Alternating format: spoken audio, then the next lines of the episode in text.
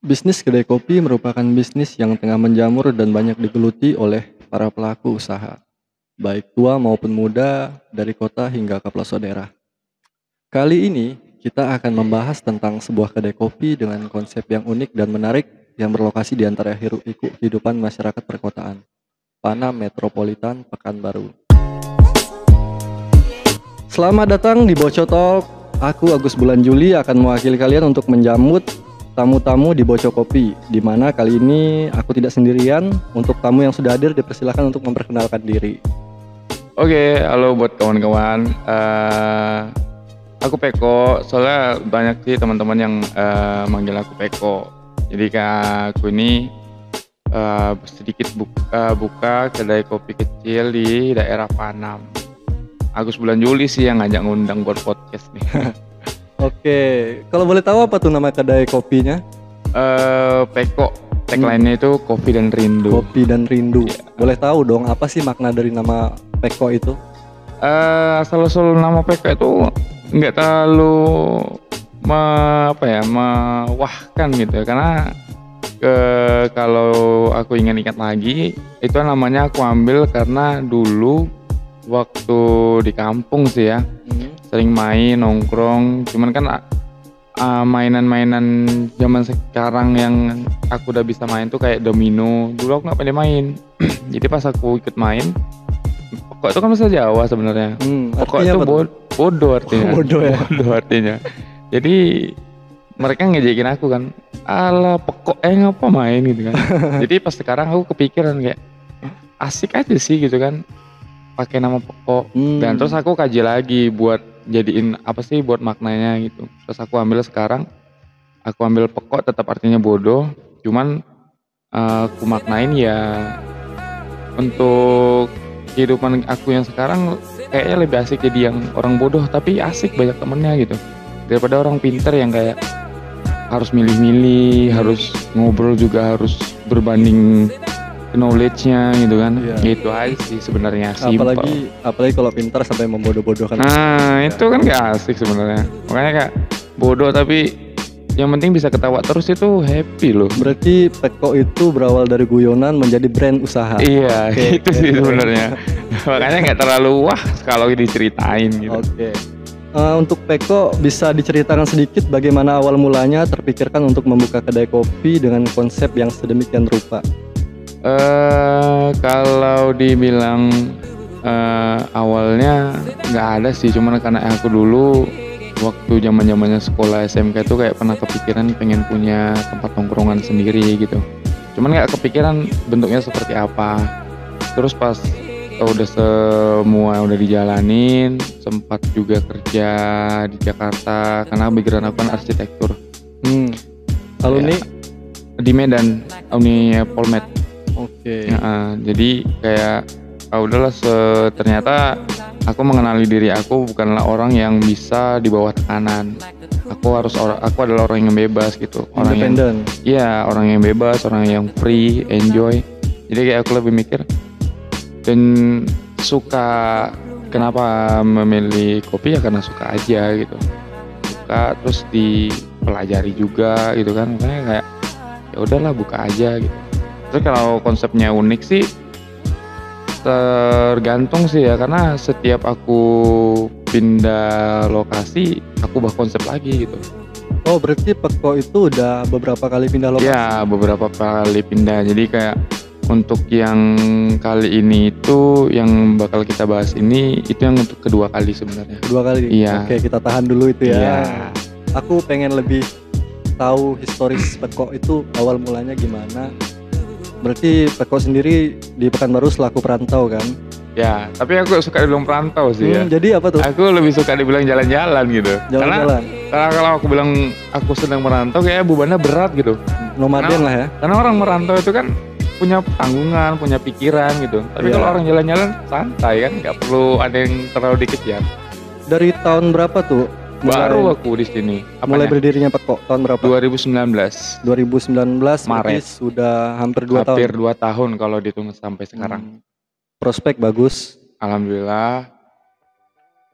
Terus nah, ini kita bahas aku pengen nanyain apa sih yang menjadi kendala dan hambatan bagi Peko dalam menjalankan usaha kedai kopi, terutama ketika terjadi pandemi seperti sekarang? Hmm, kalau secara umum aku bilang hambatan atau kendala, aku nggak pernah ngerasain karena aku buka kedai kopi ini bukan untuk profit sebenarnya, kata kasarnya ya, walaupun sebenarnya yang namanya usaha profit itu kita merasakan. Kalau untuk hambatan aku nggak nggak ngamatin, apalagi di masa pandemi karena aku nggak ngelihat teman-teman juga bakal balik lagi. Masukku gini, uh, pandemi yang pertama itu di, di menjelang bulan puasa ya. Bulan puasa. Menjelang bulan puasa dan aku mikir kalau itu bakal jadi uh, situasi yang rumit. Ternyata enggak. Ternyata aku sama teman-teman yang lain masih bisa sampai akhir puasa sampai sahur apa sa akhir puasa tetap sampai sahur di sana. Tetap buka sampai itu. sahur. Berarti waktu pandemi kemarin nggak nggak pernah tutup? Nggak pernah tutup. Dan aku malah bilang nggak terlalu ngefek sebenarnya pandemi kemarin sampai saat ini juga sih. Karena rezeki pun udah ada yang mengatur iya, juga kan. Nah aku mikirnya ya udah enjoy aja gitu. Uh, yang yang bikin asik itu gini. Jadi pas patroli gitu kan ada masa-masa patroli. Hmm. Patroli karena masih gampang jadi di tepi jalan. Jadi aku ngasih tahu aja weh weh weh ada polisi ada polisi ada polisi gitu kan? Mereka kabur. Hmm. kabur. Udah kabur aja polisinya lewat. Habis itu balik lagi mereka. Berarti belum pernah merasakan di sweeping gimana ya? Belum belum pernah belum pernah. Belum pernah. Uh, apalagi sekarang kan pandemi pun udah perlahan-lahan udah perekonomian kita udah mulai jalan iya, lagi gitu udah mulai normal udah mulai membaik ya. Hmm. terus Peko seperti apa tujuan dan harapan Peko terkait industri kopi? Ya kita tahu sih gimana kedai kopi itu menjamur gitu. Ya, ya. Apalagi kalau dilihat di Panam, daerah Bangau, hmm. itu radius beberapa meter ada kedai ya, kopi. Uh -uh. Udah kayak wisata kopi di situ. bener bener bener bener. Udah kayak galeri jadi. Iya galeri.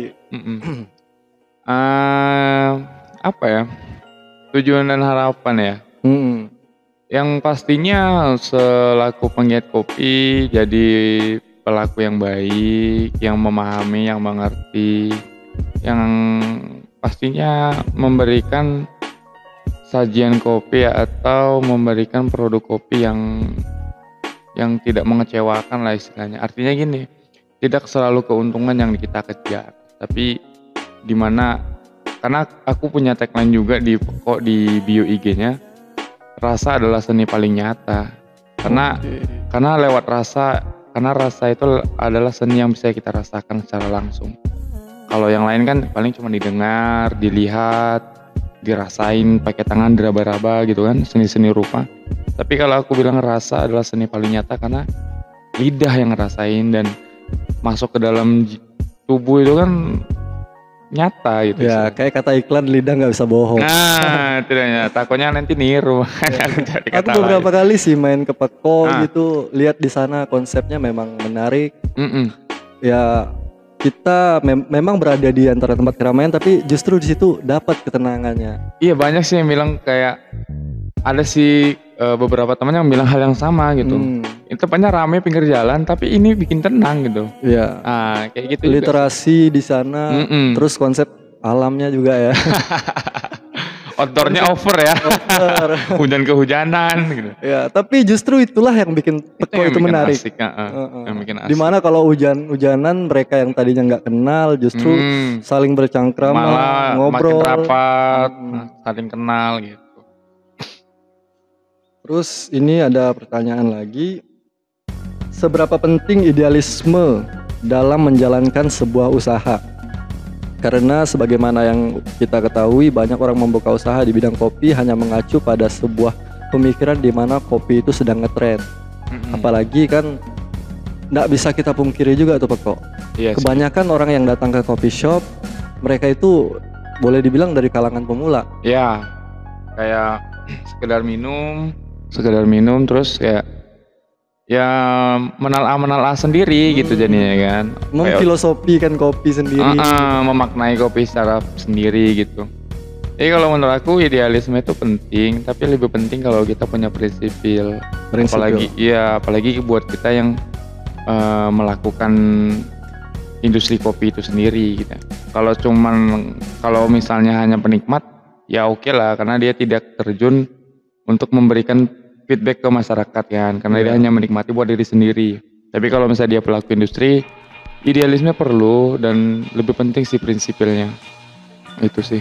gitu ya jadi bagi Peko sendiri nggak pernah tuh merasa risih ketika ada eh, pelanggan yang datang ke kedai kopi tapi justru lebih apa ya sekedar foto-foto banyaknya gitu Enggak sih karena eh artinya gini, aku dari awal ngonsepin pokok itu tempat ngobrol bukan tempat ngopi.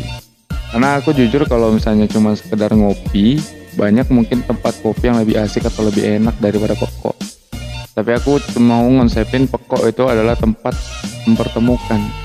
Jadi dan ternyata iya gitu karena aku ngelihat kayak misalnya aku kenal sama satu orang udah setahun nih kenalnya kan. Hmm. tiba-tiba di tahun berikutnya ada orang lagi yang datang ke pokok dan ternyata temen yang aku tadi tuh saling kenal mereka.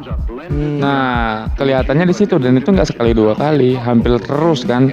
Makanya aku ngelihat kayak pokok tuh ketemu-temu ya gitu istilahnya. Wadah sebuah pertemuan Ah, itu yang aku mikirkan. Makanya aku mikir ya ya alhamdulillah sih ah, niat aku dari awal kewujud gitu kan. Karena kok memang aku nggak niatkan buat tempat ngopi enggak ah, tempat ngobrol. Makanya aku udah ah, nggak pernah memaksakan mereka untuk ah, harus minum harus pesan enggak makanya aku nggak pernah mau nyodorin menu gitu. Hmm, kalau ketika mereka pengen minum mereka pasti datang gitu kan. Iya. mereka pasti datangin bang ada menu ada ini gitu. Nggak pernah aku nyodorin gitu. Karena aku juga pernah ngerasain duduk nongkrong gitu kan. Ya niatnya sih pengen nongkrong aja gitu. Karena waitersnya datang terus kayak teman-teman semuanya udah pada pesen gitu kan. Ya mau nggak mau pesen juga gitu. Ya, walaupun Kayak gitu. kantong walaupun Kantong kantong kosong gitu. Makanya ya berat gitu kan. Apalagi nongkrong kayak aku nongkrong bukannya sepuluh ribu dua puluh ribu ya kan. Hmm, minum aja udah tiga puluh ribu apalagi makan ya kan istilahnya Iya. gitu. benar-benar. Makanya aku nggak aku ngonsepin PK seperti itu dianya berarti terkait di Peko sendiri itu kalau boleh tahu circle customernya itu dari sekitaran Panam aja atau banyak dari beberapa kalangan? Ternyata banyak eh, kalau dibilang kalangan hmm, mungkin dari anak mudaan sih ya karena eh, orang tua di sana juga ada gitu. Kalau dilihat lingkungannya banyak juga yang dari harapan raya ada yang dari rumbai gitu. Makanya aku mikir gila anjir ngeri kali orang ini rela kali gitu kan. Iya. apalagi situasi kita nggak tahu cuaca kalau cerah kan kalau hujan gimana gitu. Ya, tapi ternyata mereka walaupun mereka da- udah datang terus hujan di sana nggak balik gitu. Hmm. tetap stay gitu. Nah itu yang aku kagum sama mereka. Sebenarnya sih kalau aku juga berpendapat yang mahal itu bukan harga makanan atau minum iya. tapi momen. Ya suasananya. Suasananya, suasananya sih. Berarti tapi dominannya lebih ke mahasiswa kalau di sana ya? Iya mahasiswa. Undri, Winsuska Undri Win. Ya ya kalau yang lain paling yang jauh-jauh paling Unilag gitu kan kalau Hmm. ada Rumbai kita nyantai aja Peko Mm-mm. kalau mau ngerokok ngerokok. Nih ada rokok. Aku nggak ngerokok. Nggak ngerokok ya. Oke. Keren keren. Kenapa? Cuman pengaruh, ngantongin korek aja banyak. Pengaruh terhadap Enggak juga sih, cuman apa ya ada udah nggak kebiasa, maksudku nggak biasa juga gitu. Karena dulu aku pernah aja ngerokok waktu kecil SD sih, cuma dua batang. hmm. Habis itu nggak pernah lagi karena batuk-batuk habis itu. Ya, nggak memang nggak cocok kayaknya. Jadi sampai sekarang nggak pernah. nah dalam bidang kopi sendiri ada nggak sih toko inspirasi buat Peko Kalau di bidang kopi, inspirasi kalau toko inspirasi belum ada, tapi eh, kayak paling cerita-cerita aja sih, teman sharing temen sharing atau kayak apalagi lewat yang bikin booming perkopian itu kan lewat film filosofi kopi kemarin ya. ya Nah, itu kayak naik 2000. banget namanya gitu. lah itu berpengaruh pada tren kopi yang terus Iya, meningkat heeh. khususnya bagi kalangan muda Iya, yang pengen menciptakan personal branding sebagai penikmat kopi. iya. Atau penjelajah kopi. Banyak sih. Jadi kalau Peko sendiri menanggapi menjamurnya kedai kopi itu sebu- bukan sebuah kompetitor gitu. Bukan. Aku juga lihatnya sih kedai-kedai kopi sekarang itu lebih ke perang konsep daripada rasa karena rasa Iya. mah relatif gitu. Iya Nggak- sih, karena kalau kalau rasa dengan standar yang sama, ya jujur sih paling ya gitu-gitu aja. Hmm. Kecuali kalau kita mau inovasi gitu kan. Eh, kalau bagus sih kalau misalnya mereka nganggap banyak yang berkegiatan kopi bukan nganggap sebagai kompetitor gitu kan. Bagus, tapi ada juga yang beberapa nganggap sebagai kompetitor gitu. Iya. Jadi aku mikirnya buat apa gitu kan? Nggak perlu juga gitu bersaing-saing gitu. Ya. Tapi ya aku memang karena aku orang yang nggak ke arah sana, jadi aku nggak memperhatikan itu. Berarti kesimpulannya daripada berkompetisi lebih baik berkolaborasi. Nah, Oke. kan seru gitu Ya, ya, berkolaborasi, saling support gitu kan. Kopi dan rindu. Eh, bagaimana pemaknaan Peko mengenai slogan tersebut? Nah, kalau kopi dan rindu itu tadi, ah, itulah dia tadi jawaban-jawaban yang udah kita sampaikan. Karena untuk kopi adalah ya apa yang kita sajikan di sana kan, dan rindu itu suasananya di sana. Makanya kayak ah, kenapa? Makanya aku bilang sebenarnya slogan itu terciptanya bukan sejak awal tapi sejak aku mengamatin gitu. Hmm, seiring Nah, berjalannya waktu. Iya, kayak kayaknya cocoknya ini aja gitu kan. Jadi kopi dan rindu. Karena aku ngelihat kayak mereka tuh datang itu bukan karena pengen kopinya gitu, tapi karena pengen suasananya itu lagi. Nah itu dia makanya aku mikir kopi dan rindu ternyata mereka datang karena rindu bukan karena kopinya. Hmm, berarti rindu itu menuntun mereka untuk kembali ke Peko lagi. Ah itu dia ya. Ini Asik sih Kok itu. 2019 awal bukanya di depan Taman Karya itu ya? Ya di situ cuman sih kemarin tuh bu itu iya karena aku pengen pengen punya kedai. Cuman karena aku awal ke Pekanbaru itu kan sendiri tunggal nggak ada siapa-siapa kan Hmm. jadi aku di sana itu sebenarnya awalnya itu ambil franchise franchise Thai tea gitu. Nah mulainya awalnya dari situ aku kembangin karena kalau misalnya aku ngerjain sendiri mungkin nanti bakal kerepotan kan karena aku belum punya teman dan belum punya kenalan gitu. Hmm. jadi awalnya dari situ. Ya alhamdulillah terus berjalan berkembang. Ya dapat kesempatan untuk upgrading sendiri. Ah, awalnya di seberang tuh dari yang sekarang itu kan. Hmm. seberangnya bentuknya angkringan gerobak angkringan gitu itu aku ngambil konsepnya itu kayak bohemian sih. Bohemian. bohemian. Jadi kayak banyak gantungan dreamcatcher gitu. Banyak tulisan-tulisan harapan gitu. Seperti itu. Berarti terhitung dari 2019 sampai sekarang sudah beberapa kali perubahan konsep ya. iya. Karena aku ah, aku pribadi aku orangnya bosenan gitu. Terus inovatif dong. ah dan bosenan itu bukan berarti membuang ya tapi mengganti atau mungkin ma- mengubah suasana gitu Ya, adaptasi sih. iya gitu Karena kan kan. tren berubah-ubah. Ah. Kita tidak mengikuti tren, kita juga harus bisa menciptakan apa ya karakteristik kedai kita sendiri. Iya, karena aku di sana juga bukan jujur ya, Bu, aku di, eh, di sana bukan untuk bagaimana mereka suka, bagaimana mereka senang, tapi aku dulu apa yang bikin aku senang di sana itu yang aku lakukan. Dapetin yang Ah, dulu. iya, aku dulu ngapain bikin orang lain dulu, itu maksud aku. Iya, iya. Nah, sejauh ini dalam menjalankan usaha kedai kopi tersebut, Peko sendiri atau ada dibantu temen, karyawan atau gimana gitu? eh sampai saat ini aku masih berusaha sendiri karena jujur aku adalah orang yang nggak bisa diajak nggak bisa diajak kerjasama nggak bisa dibantu. Jadi kalau misalnya aku dibantu itu kayak ya nggak bisa aja gitu kan. Tapi karena aku masih mikir ya aku masih bisa melakukannya sendiri gitu. Tapi kalau misalnya pun kerepotan teman-teman yang bakal bantuin. Jadi nggak nggak dianggap karyawan tapi teman-teman gitu. Dengan sukarela. dengan sukarela. Oke. makanya aku kembali lagi ke konsep di sana bukan sebagai pengunjung. Jadi teman-teman yang datang itu adalah keluarga-keluarga baru gitu Eh, aku juga ada dengar isu nih. Bukan isu sih, memang udah terjadi. Tanggal 28 Oktober tepatnya kemarin Ah. itu Peko mengadakan acara kopi kelas. Nah, Iya. Boleh diceritain dong gimana berlangsungnya acara tersebut?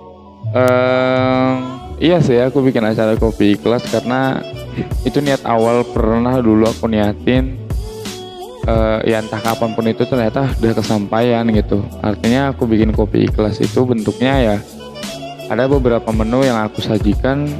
Ya ikhlas aku sajikan ya mereka bayar seikhlasnya aja. Cuma nanti eh, hasil keikhlasan itu atau donasi itu ya bakal didonasikan nantinya. Nah niatnya ini bakal didonasikan ke teman yang kemarin sempat kecelakaan dan banyak hal yang harus dibayar dengan uang.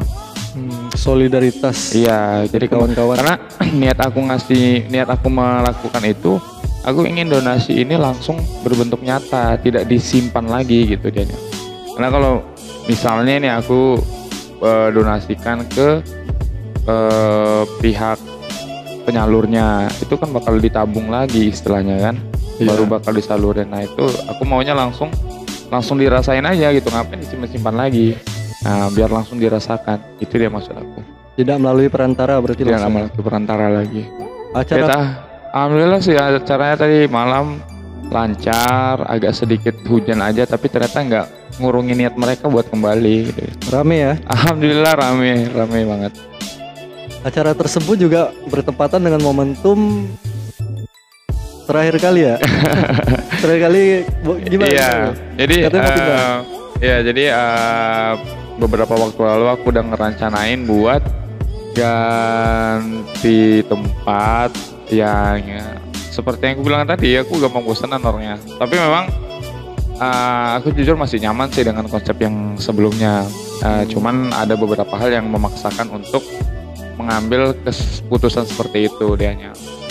Jadi aku memutuskan buat tanggal 28 itu ya hari terakhir sekaligus ya bu- buat ngera daripada aku party gitu kan mending aku bikin acara kopi ikhlas tadi Hmm. nah karena kan kadang-kadang ada yang kayak hari terakhir di sana acaranya party atau bakar-bakar atau apa gitu kan ah, ada mending bikin acara kopi gitu. Apalagi- seru-seruan sekalian beramal gitu Eh, apalagi momennya bertepatan dengan Hari Sumpah, Sumpah Pemuda. pemuda. gitu kan. Aku juga nggak sebenarnya nggak nggak nggak apa ya kayak aku nggak tahu loh maksudku aku nggak niatkan menyatukan Hari Sumpah Pemuda sama acara kopi ikhlas. Tapi bukan berarti nggak nasionalisme ya? ya bukan. Oke. Maksud aku kok bisa gitu kan tepatan gitu. Ya udah lanjutin aja gitu deh. Boleh dikasih bocoran di mana lokasi barunya nanti dan kapan bakal di- bakal direalisasikan? Eh kalau bocorannya nggak jauh dari Peko. Hmm, dari Peko yang kemarin. Hmm. Kalau dibilang peribahasanya itu kalau kita kepleset sampai. nah, berarti dapat lah ilustrasinya ya Oke, kan. Nah, dua kilo sampai. ah, kepleset sampai dan rencananya itu di minggu awal minggu pertama di bulan 11 bulan November. Oh. Nah, entah itu ratingnya ya paling tanggal 1 sampai tanggal 10 lah. Nah, Gitu ya. Itu itu. Itu karena ternyata ternyata setelah sebenarnya kan aku mau pindah ini aku rahasiain gitu. Nggak aku umbar-umbar di jauh-jauh hari pas mau pindah enggak. Tapi kenyataannya pas hari itu banyak story-story yang menunjukkan kalau Peko mau pindah. Hmm. Jadi banyaklah DM DM masuk yang menanyakan ke mana Peko, ke mana Peko, ke mana Peko, ada apa dengan Peko gitu kan. Dan aku nggak nyangka bakal se se apa ya, seantusias ini mereka gitu deh. Dan ternyata banyak orang-orang yang memperhatikan dan mem- menyayangkan Peko. Ya, aku salut sih di sana gitu. Makanya aku mikir ya udahlah sebentar kasih jeda dulu, aku beres-beres, aku istirahat dulu, nanti kita buka lagi. Hmm. Kalau aku sendiri sih menanggapinya Peko itu adalah pesan yang meninggalkan kesan. Iya, karena eh ada ada juga sih beberapa yang bilang aku baru di sini aku baru aja datang ke Peko aku baru aja nyaman di Peko gitu kan. Kenapa harus pindah? gitu. Dan itu kayak nyentuh gitu kan karena ada orang-orang yang emang baru datang ah, orang-orang yang baru nyaman dan ya mau nggak mau karena eh, rencana itu ada sebelum mereka datang Oke. ah jadi kata mau baru mau menjalani hubungan udah eh, harus LDR. LDR, itu dia Tapi mah LDR-nya nggak jauh-jauh. nggak kepleset sampai kok Intinya ya untuk informasi pastinya pantengin Instagram Peko Hmm. aja kan. ya lihat-lihat aja dulu follownya belakangan Eh, sedikit lagi nih Peko. Mm-mm. Kalau dari Peko sendiri harapan buat para para pengunjung yang Hmm. datang itu bagaimana sih? Terkait apakah mereka itu harus menanamkan nilai edukasi mereka, sosialnya? Eh kebetulan aku ngonsepin Pekok itu adalah tempat yang liberal gitu. Jadi bebas mereka mau berpikir apa aja, mereka bebas mau ngobrolin apa aja, mereka bebas mau ngelakuin apa aja selama kegiatan itu masih positif gitu deh. Jadi ya aku nggak pernah memaksakan mereka harus seperti ini, mereka aku minta mereka harus seperti ini, enggak. Tapi ya paling aku hanya memperhatikan mereka aja. Makanya kadang ketika aku sudah nyantai, aku datangin tuh satu-satu. Tiap tongkrongan aku datengin, aku sapain gitu kan. Nimbrungin aja apa sih yang mereka obrolin gitu. Nah kayak gitu dianya. Jadi di tempat yang baru nanti apakah ada suatu inovasi baru lagi dari Peko atau tetap mempertahankan konsep yang sekarang sudah berjalan? Kalau konsep mungkin ada akan terasa berbeda pastinya karena konsep di awal itu aku nerapin konsep gudang nelayan gitu. Jadi kayak gudang nelayan makanya banyak ban-ban, banyak karung-karung, Palet. palet. Nah, itu eh palet itu ya cacatnya kerambah sebenarnya, kerambah. Cuman di tempat yang baru tidak memungkinkan untuk dipasang seperti itu, tapi nggak semua, tapi semuanya bakal dimanfaatin lagi gitu. ya. Karena niat aku ngonsipin pekok itu apa yang bisa aku manfaatkan tanpa harus mengeluarkan biaya baru, aku manfaatkan gitu. Jadi nggak harus beli baru untuk sebuah dekorasi gitu deh. Masih banyak hal-hal yang masih bisa kita manfaatkan. Tidak perlu berlebihan. Tidak perlu Kita berlebihan. pergunakan aja apa yang ada. Nah, karena aku mikir eh, sayang aja kalau misalnya kita beli hanya untuk pajangan. Nah, kenapa nggak kita bikin sendiri? Karena dari sebuah hal yang tidak berarti kalau kita sedikit poles berarti kan jadi berin terlihat asik gitu dianya. Ah kayak gitu sih aku ngonsepinnya. Tapi aku ngusahain eh, walaupun nantinya pindah suasananya tetap sama seperti yang lama, seperti yang pertama. Hmm. Jadi kayak ya agar mereka tetap enak ngobrol buat siapa aja gitu. Karena aku maunya memang dari dulu maunya itu setiap yang datang itu saling berkenalan gitu. Oke. Ini penutup nih. Hmm. Harapan Peko terkait industri kopi ke depannya gimana? eh ya mudah-mudahan makin baik, eh semakin banyak orang yang mengerti tentang nilai sebuah kopi supaya lebih menghargai dari seorang petaninya. Karena Hmm. kalau kita lihat eh, kopi ini hanya bentuk sajiannya aja, tapi nggak ngelihat petani di belakangnya. proses ya. Iya, karena aku ngelihat ya sekedar nikmatin aja mereka nggak tahu dari mana kopinya dibuat, dari mana kopinya ditanam gitu kan. Bagaimana susahnya seorang petani menanam kopi. Nah itu sih. Jadi ya mudah-mudahan mereka makin ngerti, ya makin lebih menghargai lah. Sama seperti beras sih istilahnya kan. Dari kopi kita bisa belajar menghargai berproses, Hmm. menghargai proses. Ya, Karena untuk menjadi sesuatu yang menakjubkan itu nggak ada cara instan. ya benar. Ya. Itu sih. Oke, ada lagi yang mau disampaikan gimana? Udah. Oke, terima kasih untuk Peko yang sudah hadir dan bersedia menjadi narasumber dalam episode podcast kita kali ini. Nah, dari aku pribadi dan dari tim-tim Boco, harapannya semoga Peko sukses selalu, Amin. terus berinovasi, Siap. tetap ya. Pokoknya kalau dari aku tetaplah membumi meski kelak kau setinggi langit. Amin. Mudah-mudahan ya.